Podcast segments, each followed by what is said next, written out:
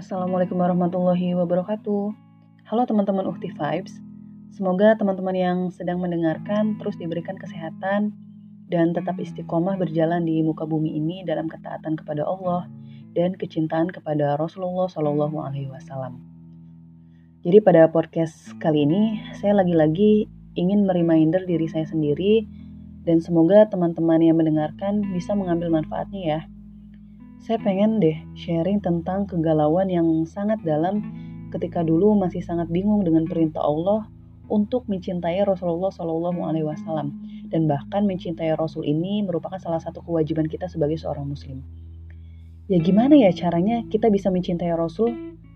Toh saya juga belum pernah ketemu dengan beliau dan ketika mendengar sejarah singkat beliau aja, kayaknya hati ini masih sangat keras untuk luluh dan logika ini masih terus melawan untuk mencintai Rasulullah Shallallahu Alaihi Wasallam. Mungkin dulu pernah sih ngerasa sedih karena mendengar kisah Rasul yang lahir dalam kondisi yatim, lalu di umur 6 tahun ibunya meninggal, kemudian diasuh oleh kakeknya dan kakeknya meninggal saat Rasul berusia 8 tahun. Jadi sedihnya sebatas karena itu. Kemudian kegalauan tersebut terus menerus mengusik pikiran saya sampai saya pernah sharing sama temen dan langsung tanya ke dia dengan pertanyaan, Eh, kamu tuh cinta Rasul gak sih? Kok kita harus banget ya cinta sama Rasul? Kita kan gak pernah ketemu.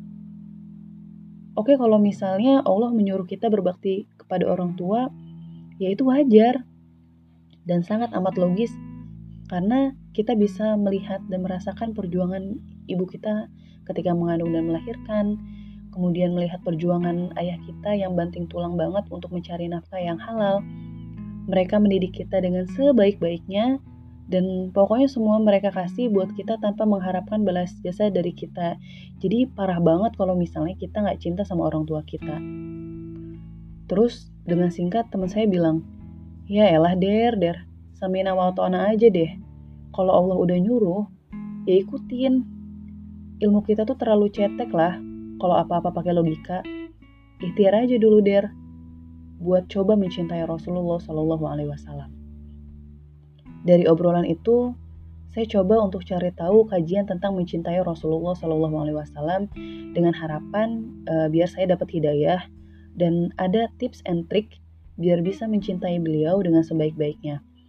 Dan hasilnya adalah saya tertampar dengan perkataan seorang ustadz bahwa jika tidak ada rasul yang memperjuangkan Islam, maka hidup kita akan tetap jahiliyah. Kemudian, um, Islam tidak akan sampai pada jiwa kita sampai saat ini.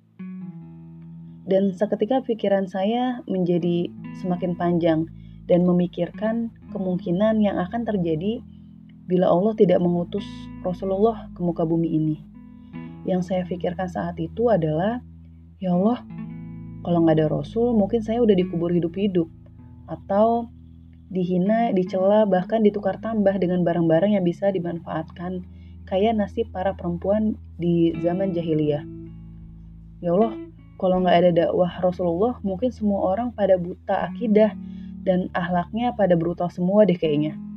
Karena nggak ada petunjuk kehidupan yang lengkap seperti Al-Quran yang merupakan salah satu mujizat Rasulullah Shallallahu Alaihi Wasallam. Pasti hancur banget deh hidup ini. Nggak ada pedoman hidup yang bisa dimengerti, nggak ada ketenangan, nggak ada kedamaian, dan bisa aja kalau nggak ada Rasul, kita terus nyembah patung, nyembah-nyembah benda keramat, nyembah pohon lah, gunung, nyembah barang-barang yang nggak ada nilainya kalau dibandingkan dengan kekuasaan Allah. Kalau Rasul tidak mensyiarkan Islam, alhasil kehidupan kita tuh cuma sebatas bangun, makan, minum, tidur, ya meninggal. Aduh, hancur banget pokoknya. Kalau begitu jadinya, daya tampung neraka bakal semakin besar untuk menampung orang-orang yang sesat. Nauzubillahi min zalik. Dan qadarullah dan alhamdulillahnya Allah mengutus Rasulullah Muhammad Wasallam untuk menjadi rasul yang membawa amanah besar di pundaknya agar bisa mensyiarkan Islam kepada seluruh umat manusia dengan tujuan untuk menyempurnakan akhlak manusia biar segala kekhawatiran yang saya sebutkan sebelumnya tidak terjadi pada umat manusia selanjutnya. Kemudian hal lain yang berhasil membuat saya menangis adalah ketika mendengar Rasulullah Shallallahu Alaihi Wasallam yang begitu gigihnya berdakwah kepada manusia-manusia saat itu.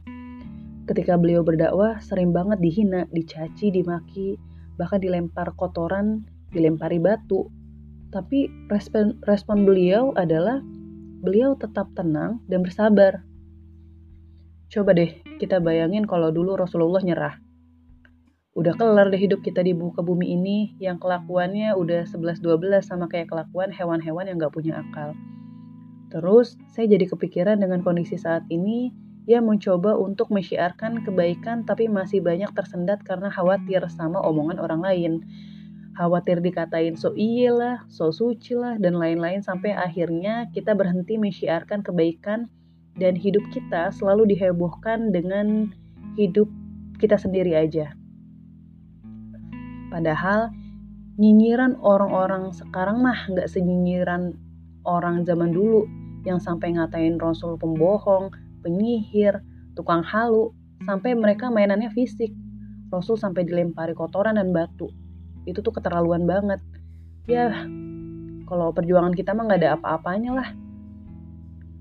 Terus belum lagi ada kisah yang mungkin teman-teman tahu ya ketika Rasul berdakwah di Mekah mendapat penghinaan dan uh, permusuhan yang luar biasa dari kafir Quraisy ditambah pada tahun tersebut merupakan tahun duka cita Rasulullah karena dua orang yang sangat beliau cintai dan sangat mendukung dakwah Islam yaitu Abu Talib sebagai pamannya dan Khadijah radhiyallahu anha sebagai istrinya meninggal dunia.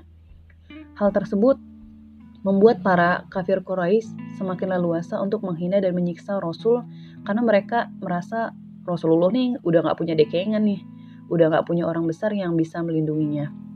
Kemudian beliau memutuskan untuk hijrah ke Taif dengan harapan agar dakwah Islam akan menjadi semakin subur di sana. Tapi apa yang terjadi? Beliau diperlakukan dengan sangat buruk.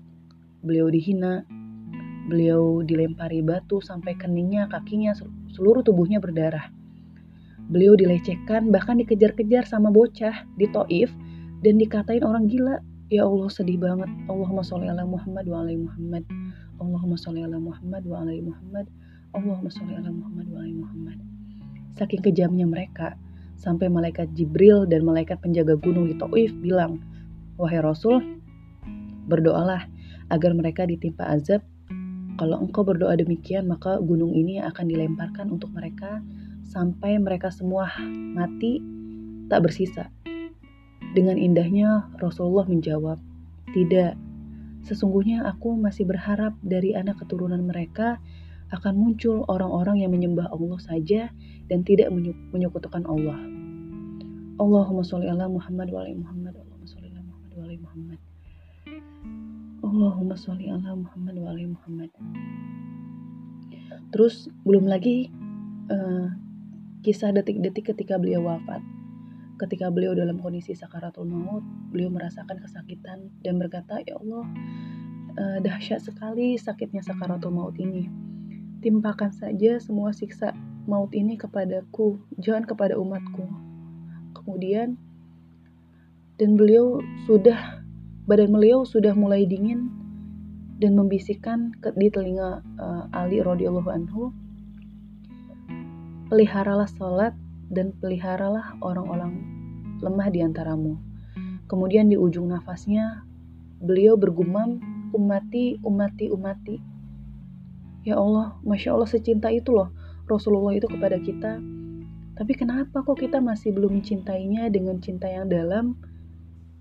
Manusia satu-satunya yang sudah sangat mencintai kita dengan bukti perjuangan yang konkret, ya cuma Rasul. Kenapa masih aja hati ini keras dan sulit membalas cinta Rasulullah Wasallam?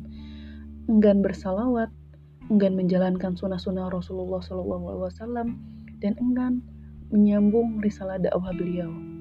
Astagfirullahaladzim. Dari Abu Zar radhiyallahu anha mengatakan, aku mendengar Rasulullah Wasallam dalam suatu malam membaca dan mengulang firman Allah di setiap ruku dan sujudnya Jadi uh, beliau berdoa membaca surat Quran surat Al-Maidah ayat 118 yang artinya jika engkau mengazab mereka sesungguhnya mereka adalah hambamu dan jika engkau mengampuni mereka sesungguhnya engkau maha pengampun lagi maha bijaksana.